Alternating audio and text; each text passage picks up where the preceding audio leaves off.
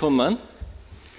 Jo, tusen takk for at dere eh, ville komme så mange da, og eh, høre på eh, historien om bildene og boken og hvordan dette ble til. Ja, jeg har mange spørsmål. Du har mange spørsmål. Jeg eh, vet ikke hva spørsmål du kommer med, så eh, det kan jo hende jeg må ta meg en pause og gå ut litt. Nei, det skal bare gå bra, det. Vi får Jeg tror vi kjører på, jeg. Ja, la oss gjøre det. ja. Eh, Fortell oss først eh, hvorfor vi er her. Ja, Vi er jo her fordi at eh, Som hun introduserte, da, så fikk Ikan nobelprisen i fjor som nei til atombomber. Og Det beslektet tema. så det, jeg tenker det at den største på en måte demo, demonstratoren for eh, hvor gale det kan gå, og hvilke enorme personlige konsekvenser det har for folk når først ulykken er ute. Eh, Slipper du en atombombe eller et kjernekraftverk eksploderer, og det kommer masse radioaktivt eh, materiale ut i nærområdene og i atmosfæren, så, eh, så har det store konsekvenser for folk. Og det har rett og slett med at det, to, det er to sider av samme sak. Og når Ikan eh, fikk nobelprisen i fjor, og nå er det et nytt nobelår som begynner nå ganske snart, noe som innebærer at det er et punktum for eh, nå i desember. Da gikk hans nobelår over. Og um, Vi har jo hatt et par reiser eh, til Tsjernobyl uh, og vært i områdene i eksklusjonssonen uh, med andre fotografer. Og gått rundt der i uh, dagevis og tatt bilder og, og snakket med folk. Og så fikk jeg utrolig lyst til å gjøre dette prosjektet. Det presset seg på en måte fram da, mellom ja, første og andre tur, vil jeg si. Da presset det liksom sånn fram. Sånn, jeg måtte bare gjøre dette. Og Helt siden jeg var liten, så har jeg på en måte vært fascinert av eh, ikke ulykker, men jeg har vært fascinert av på en måte radioaktivitet som et fenomen i, eh, i grunnstoffer og, og spalting av atomkjerner. og sånt. Det høres kanskje veldig sært ut, men eh, sånn. Andre likte å spille fotball. Jeg, eh, jeg tegnet atomer. Men hvor mange ganger har du vært der nede nå? Ja, to ganger. Altså to, to ganger av, av en uke hver gang. da. Mm. Og hvorfor er det du velger å reise til et sted som er radioaktivt? Ja, det, Har jeg, har, jeg har så mye uønskede bakterier i meg at jeg må, må renses av og til. Ikke mye tryggere å gå på nettet? Jo da, det er sikkert tryggere å gå på nettet, men uh, det blir jo ikke ekte, det. Uh, jeg føler det at det som er viktig for meg, å, å få oppleve dette, det som skjedde, og snakke med folk, ikke minst. Og det kan jo ikke du gjøre med de. de. De som lever der fremdeles, de har jo verken strøm eller internett og ingenting. Um, så det, det, var viktig for meg å, å reise bort der. Når det bød seg eh, disse anledningene, da, så gjorde jeg det. Det ikke, man reiser, kan ikke bare reise bort der og ta et fly og så, og så eh, kjøre, leie en bil og kjøre opp til Tsjernobyl-området. Det eh, krever en del sånn forarbeid med må søke og masse skjemaer og sånne ting som må fylles ut. Og så må du ha med deg folk. En sjåfør og en guide må være med, som er oppnevnt av myndighetene. da. Så, eh, ja. Men du nevnte det at folk bor der. ja. Er ikke det farlig for de å bo Ja, og Det kan jeg jo stille spørsmål med, men de fleste som bor der, de bor syd for eh, Tsjernobyl-området. Eh, Det er liksom delt inn i to soner. da. Du har noe som heter énmilssonen. Det er den som er helt tett innpå selve kjernekraftverket. Velkommen. Vi har bare tatt en 20-start i. Det fins noe drikke bak der hvis du ønsker. Og så har vi noe som heter tremilssonen. eh, eh, og, og på en måte innenfor tremilssonen har en ikke lov til å bevege seg. Men de fleste som bor der, de bor helt tett inntil tremilssonen syd for kjernekraftverket. Og, eh, og, og et stykke lenger mot Kiev. da. Og det som skjedde når det eksploderte der, og, og vinden blåste nordover Den største, største katastrofen var jo egentlig i Hviterussland. Mm. Så det er jo radioaktivt eh, visse steder. Det, det er det. Noen steder er veldig mye mer radioaktivt enn andre. Men i løpet av disse 30 årene så har de jo da fjernet ganske mye jordmasse, altså eh, lag med jord da, fra store områder. Så det er på en måte dekontaminert, og så gjør det at eh, det er noe til dels levelig. Mm. Og mange av disse her, som du ser disse bildene som henger her, og noen av de bøkene, og, og så masse andre jeg har tatt av folk, de er jo, de er jo gamle. Så de lever nå enda. Altså. Det, det, gjør jo det. Og det strides jo veldig, strides jo veldig sånn, eh, med, med, de som har forsket på dette, om på en måte den egentlige konsekvensen av det med radioaktiv bestråling. Dødstallet de spriker jo alltid fra 50 til 10 000. Og hva er realiteten på dette? Det er jo ingen som kjenner. Og, det er jo, og, så er det jo det at uh, folk dør jo også selv om det ikke er radioaktivitet. Så det er, er, det noen, ja. er det noen som ikke tror på at det er farlig? Nei, det, det, det tror jeg ikke. Men uh, svak stråling, at det er så skadelig som mange hevder, det, det er noen som uh, tror på. Mm. Men sterk stråling med radioaktivitet, det, det er farlig. Og når den reaktoren eksploderte, så var det jo en, en del folk som da fikk i oppdrag å forsøke å slukke denne brannen som begynte med en gang. Og de fleste av de døde i løpet av en dag eller to fordi at de var i direkte kontakt med høyderadioaktivt materiale. Så det er jo klart at det er skadelig, men for de som bor der borte ennå, de, de, er jo veldig gamle, så de lever ennå. Og klart folk jo dør jo, men eh, ja. Har de noen familie, eller bor de nei, alene? Nei, det er noen par, par, noen par som jeg traff, da. Altså Som bor der, som mann og kone som bor i noen hus de fant seg etter uh, de de eh, reiste tilbake igjen, Ja. for alle måtte ut. Og så var det noen av de som reiste tilbake. Og eh, Noen bor der med familie, men ikke med barn. Det er mer om mann og kone, men det er også mange som lever helt alene. Mm. Inn i skogen. Men du har jo møtt masse mennesker der. Ja. Eh, hadde du noen planer før du reiste ned? Ja, altså Første turen hadde jeg ikke det. Nei? Det var mer sånn at jeg bare følte at dette var kult. Dette må jeg gjøre. Og så ble jeg med noen karer som reiste ned dit.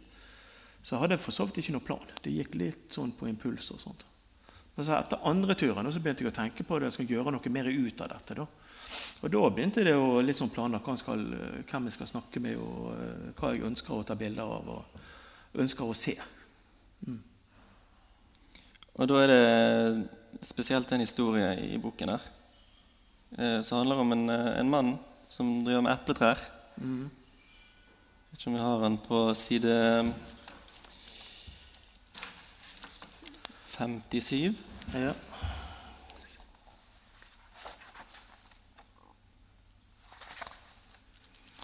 Skal vi se Kan ikke ja. fortelle hva, hva hans historie er? Ja. Det er han mannen her, da. Han heter uh, Ivan. da. Uh, han, eh, han, går, han, bor sammen med, han bodde sammen med konen sin langt inn i skogen i et gammelt hus og drev naturbruk med, med å dyrke ting. da.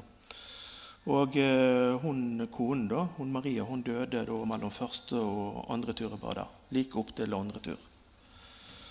Og så, så, er det på en måte de har levd der de alle disse årene nå etterpå sant? og bygget seg opp sitt liv rundt dette med å dyrke ting. Og de har noen få husdyr. Uh, og, og, det som står her da, i tekstene da, altså Disse tekstene i den boken de har ikke skrevet sjøl. Det er hentet ut fra en bok som heter 'Tsjernobyl-stemmer', fra en forfatter Ingrid Stormoen, da, som bor i Trondheim. Her står det at den gamle mannen går rundt og sier farvel til epletærne sine, til det vesle uthuset. Han har laget det selv som alt annet her. Kona hans brukte å stå under epletrærne, dekke seg til av vår. De elsket når hun kom inn. Hvite blader drysset ned i sengen og på gulvet.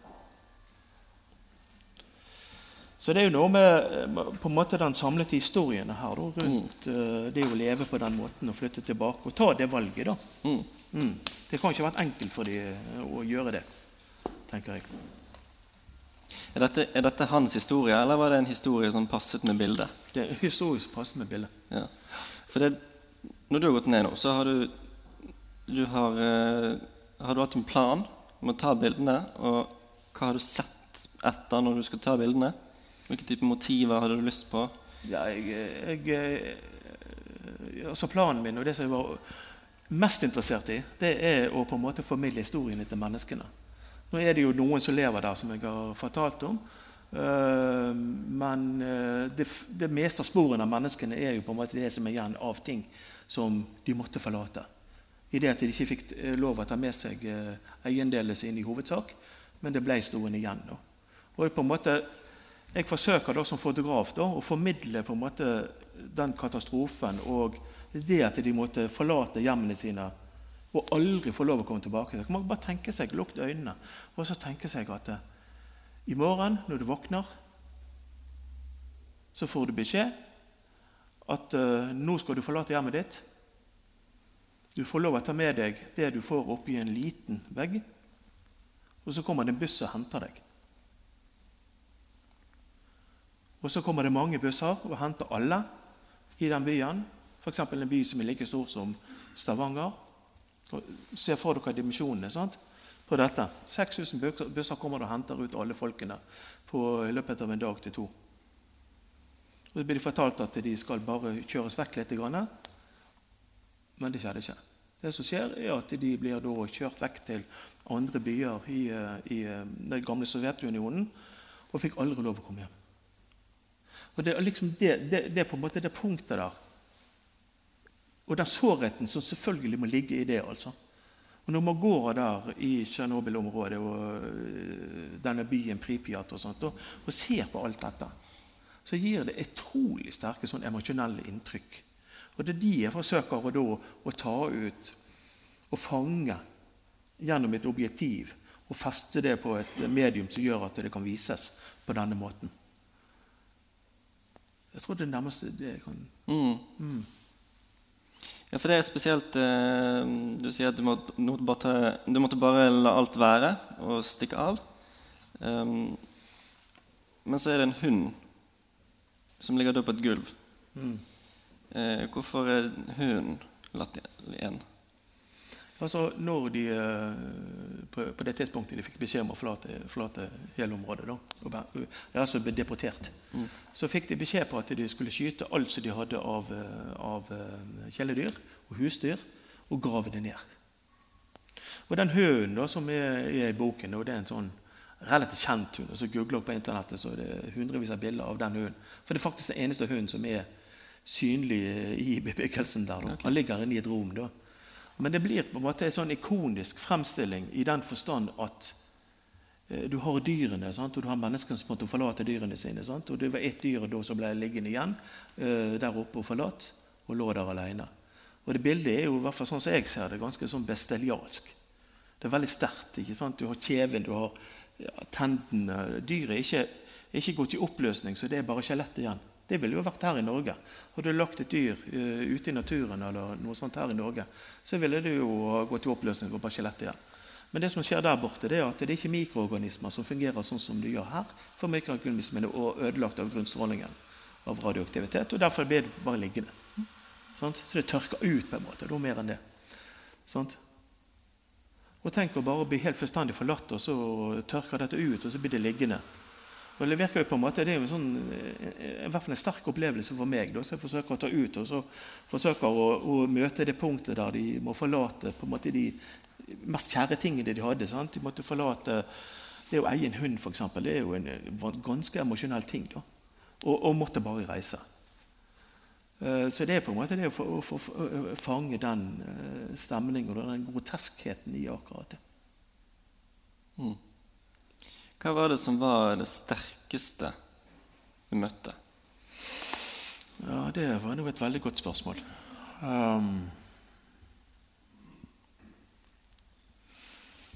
jeg, tror, jeg, vet ikke om jeg kan peke på én ting, altså. Men uh, jeg tror det er hele opplevelsen. Hele opplevelsen uh, av å, å, se det og gå rundt. Jeg husker første turen. da. For da var jeg ikke forberedt på dette. Jeg trodde det bare det var kult. og som en hyggelig turist skulle reise rundt på fotokamera. og Dette var bare kjempegøy. Det var helt totalt uforberedt hva jeg kom til å møte. Jeg hadde sett litt eh, YouTube-filmer, og sånt, men hadde på en måte ikke sånn realitetsfølelse til det.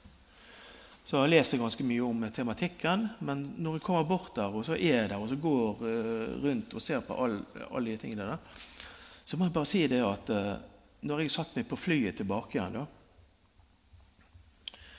Eh, og så mellomlandet jeg på et eller annet sted i Europa. Eh, en flyplass. Og Da måtte jeg være noen timer for å komme hjem. Og Da fikk jeg en, sånn, en slags metallreaksjon. En sånn forkjølelsesreaksjon. Sant? Jeg satt bare der med colaglass og bare kopte. Og visste knapt nok hvor jeg var. altså. Det, det, for meg så var det den samlede opplevelsen det er på en måte det som er summen av det hele. Det er det sterkeste. Og det gikk jo et halvt år før jeg orket å se på bildene på nytt igjen. De ble bare liggende. Før jeg orket å åpne opp eh, mine brikkene og så eh, se på dem. Hvor lang tid totalt sett har du brukt på denne boken? da? Ja, brukt et par år. Fra planlegging av tur til eh, Ja, ja, Turene kom jo før. Selve boken, den, det startet jeg på i, nå i, i februar. Da startet jeg planleggingen av boken. Og hvorfor ville du lage bok?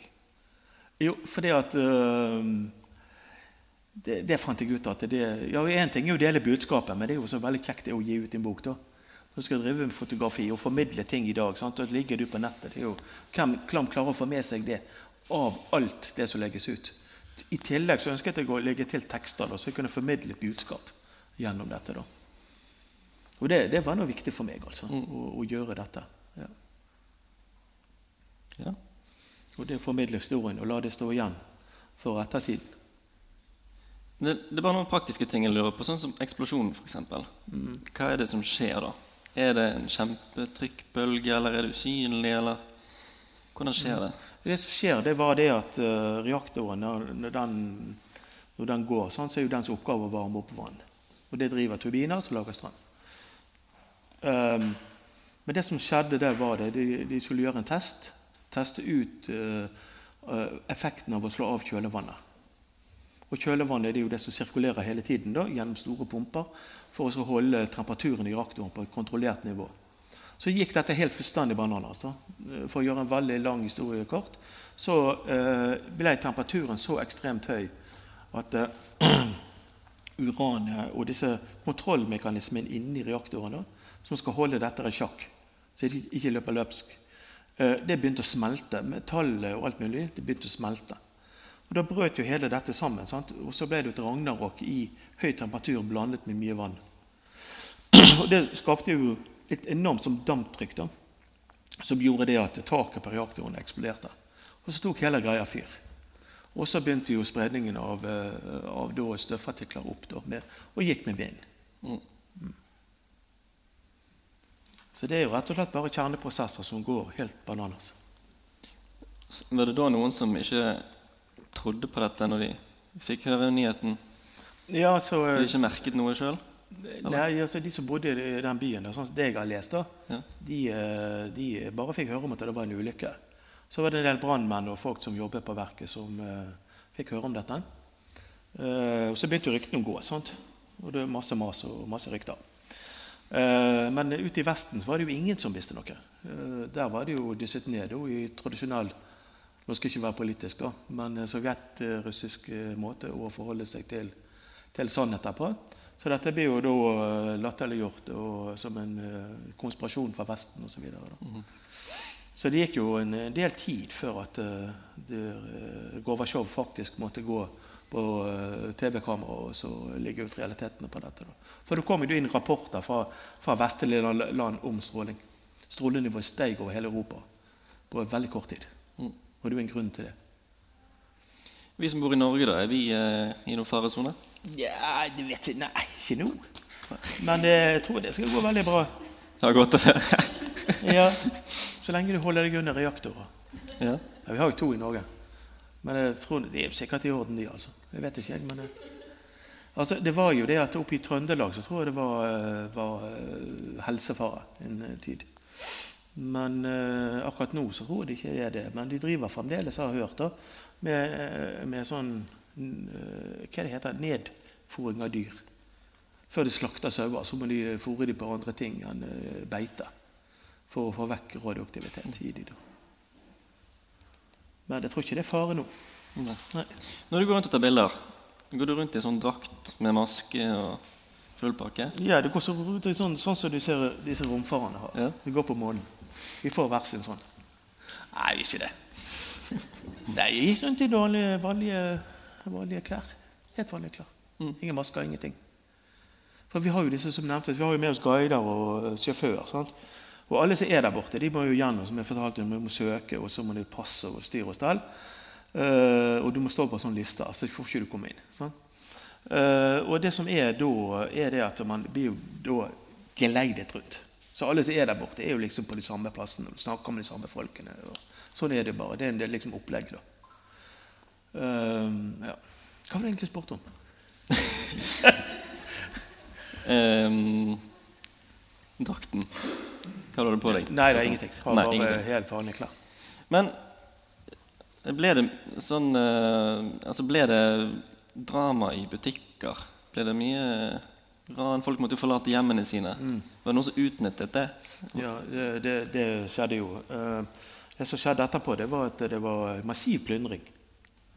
Så det, det var masse folk som rykket inn og, og stjal ved seg det som var å stjele. Både fra butikker og fra hjemmene og alt. Og de som bor der nå i dag, da? Er det, hvem sine hjem er det? Ja, det er noe litt sånne ulike ting, tror jeg. Kanskje noen flyttet tilbake til sin egen hus, da, men så var det noen som hadde et dårlig hus. da. Og så eh, tok de naboen sin, for det var mye finere. Og naboen var jo over alle hauger likevel. Så, så det var noe litt ymse, det. Og så var det litt beskyldninger også mellom disse, da. Som eh, jeg har bilder av i boken. da. eh, der bl.a. i den boken til uh, eh, Svetlana Aleksejevitsj, som heter 'En bønn for Tsjernobyl', der er jo dette paret omtalt. Det er også omtalt i uh, boken 'Tsjernobyl-stemmer', da, fra Ingrid Stormoen. Eh, eh, eh, familien eh, mm, ja, det er fra Ivan og Ander, jeg husker ikke etternavnet helt.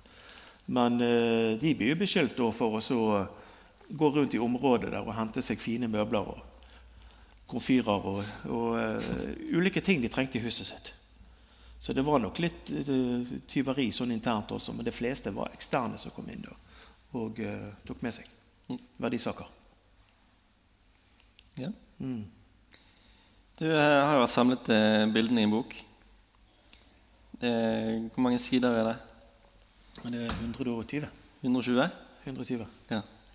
Er det da eh, en utplukket liten bunke med bilder, eller er det de beste bildene, alle som har et inntrykk, eller hvordan har du valgt bilder til boken? Ja, eh, det som jeg, det, det, Dette her er 46 bilder av mangfoldige tusen. Som jeg på en måte har plukket ut da, eh, for å få en viss sånn gjennom boken og en, sånn, en utvikling, en slags bølge. da. Og det skulle jo også passe til disse tekstene til, til boken til Inge Stormoen.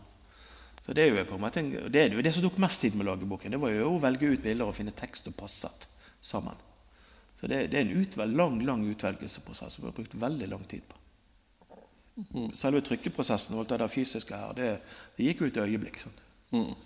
Og det er jo en veldig eh, god historie som blir fortalt, for det er ikke bare en eh, brosjyre. Nei. Det er jo en historie her. Mm. Hvordan har du laget den historien? Ja, der har jo jeg laget historien liksom, til å ta utgangspunkt i eh, når, det- når det starta med ulykken. da. Og så har jeg da på en måte lagt, lagt historien gå mellom de forskjellige ting, eh, tingene i byene, som f.eks. gjennom skoler, barnehager, sykehus, boligblokker, lekeområder, fornøyelsesparker og kino og, alle mulige ting. Sant? Og så få, få en linje gjennom Vi er vant til å bevege oss i samfunnet og gjøre de forskjellige aktivitetene. da. Det er for å gi et liv til det. At det livet de hadde der, det var jo et veldig bra liv. Fordi at de som bodde i Pripjat, eh, de var jo håndplukket nærmest. da. Og eh, Pripjat var jo en sånn ja, mønsterby, da. eh, Etter sovjetisk mønster. da. Der eh, de hadde jo langt mer ting enn det som de ellers hadde i Sovjetunionen. da, Av eh, forlystede ting og restauranter og ene med det andre. sant? Og det var jo topp forskere da, og topp teknikere som jobbet her. Og eh, hadde masse tilbud eh, som de vanligvis ikke hadde i Sovjetunionen på den tiden. Og god tilgang til mat og ingen køer og, og den type ting. sant? Så det var jo som på et, et privilegert samfunn. Mm. Mm. Og det er på en måte det samfunnet som, som vi tar for gitt i dag, da, her i Norge. Så, eh, som, som på en måte var da eh, også der eh, på en veldig høy standard. Og jeg forsøker på en måte å fange inn det gjennom kameralinser så godt jeg kan. Og, og på en måte gi det livet til en, en livssyklus kan man si, på en uke eller en dag. Eller det som folk vanligvis gjør. Hverdagshistorier. Det er helt vanleggende, grunnleggende livet til folk som man har i et moderne samfunn. Ja. Du må fortelle meg eh, hvorfor boken heter 'Never Again'. Jo. Som jeg innledet med sånn helt til å begynne med, så var det jo dette med, med, med, med Ikan og atombomber. Som på en måte der er, De fikk jo nobelprisen for nei til atomvåpen. Og når man sier 'Tsjernobyl never again', sant? man ser disse enorme konsekvensene av det som eh, skjedde der borte, så må man ikke glemme det. Og man må minne noen på hvem det måtte være. Jeg kan ikke gjøre det. Jeg kan gjøre det med dette mitt budskap. Det er min måte å gjøre det på. Men jeg tror det er de som beslutter å bygge kjernekraftverk og holder på med dette her som, eh, som en energikilde, da, som er på mange måter positiv også. For han slipper ikke ut noe hvis det ikke går galt. Mm. Um, så er det, er det, poenget det at dette må aldri skje igjen. Man kan tenke seg det at rett syd for Göteborg er det jo et kjernekraftverk. og Tenk konsekvensene her oppe i Oslo. da. Her bor det 600 000 mennesker, og på veien Østfold og Vestfold til sammen så bor en fjerdedel av Norges befolkning. Man kan tenke seg konsekvensene ved at det, det samme skjer der her oppe, og det er sydavind. Så, så eh, måte, det var min måte da, å kommunisere ut at dette må vi ikke glemme. Eh, og dette må ikke skje igjen. Mm. Det har blitt en veldig fin bok. Jo, takk for det. Men, eh, du selger den jo òg her i dag? Ja, selger den. Det gjør jeg. Ja. Selger den sånn, og så har jeg også en pose med Iran som jeg kan gni over. Da koster den litt mer. så kan få et belegg. Lyser den i mørket? Den er selvlysende. Ja. Du kan bruke den som nattbøllampe. Kan stå på nattbordet, så lyser den opp. Mm. Veldig bra. Vi er på et fredssenter her, sant? som handler om, uh, om, om konflikter og, og, og, kriger og greier. Sant? De ser jo det, de som opplever sånne katastrofer som Tsjernobyl og nede i Japan under uh, denne tsunamien der det har jo vært flere andre, ikke så veldig offisielle eller sånn prometterte hendelser. da, Altså mindre skala ting. Men uh, de sier jo det, de som bor der. Ja, så liksom De som lever i krigsområder, f.eks. Syria, sånn, så liksom, de, de, kommer frem i media. Men de som bor i disse områdene med radioaktivt nedfall, kommer ikke frem. Og det sier de det at ja, så, Jo, vi er jo i krig, vi jo. Men vi kan ikke se fienden. Vi kan ikke lukte den. Og det er ikke mulig å vite hvor han er. Og det har, jo, som jeg på en måte tenker det der med, med altså bruker atomvåpen eller, eller kjernekraftverk, da, eksploderer, så har det jo også en, en, en måte, Det kan jo ha en destabiliserende virkning å skape konflikt i store områder. Om dette kommer ut, og det blir trangt om plassen, og det blir polarisering, og mennesker begynner å prioritere seg sjøl. Så jeg mener jo det at det har jo også et fredsperspektiv i dette. Da, som, som uh, jeg er helt sikker på Nobelkomiteen er veldig klar over uh, i forhold til det å gi Ikan mm. den nobelprisen i fjor. Men dette perspektivet også. da. Som, uh, ikke bare det at man bruker bomber i krig, men at det også Det å bruke kjernefysiske ting i en eller annen sammenheng, da. det kan være fredelig sammenheng som kjernekraftverk, men at det gir eh, konsekvenser som kan destabilisere områder. Og da føre til nye konflikter og nye kriger igjen. Og Jeg er sikker på dette Nobelkomiteen og ICAN uh, har, har det perspektivet med. Veldig interessant. Ja, det var det. Ja. Takk for oss, da.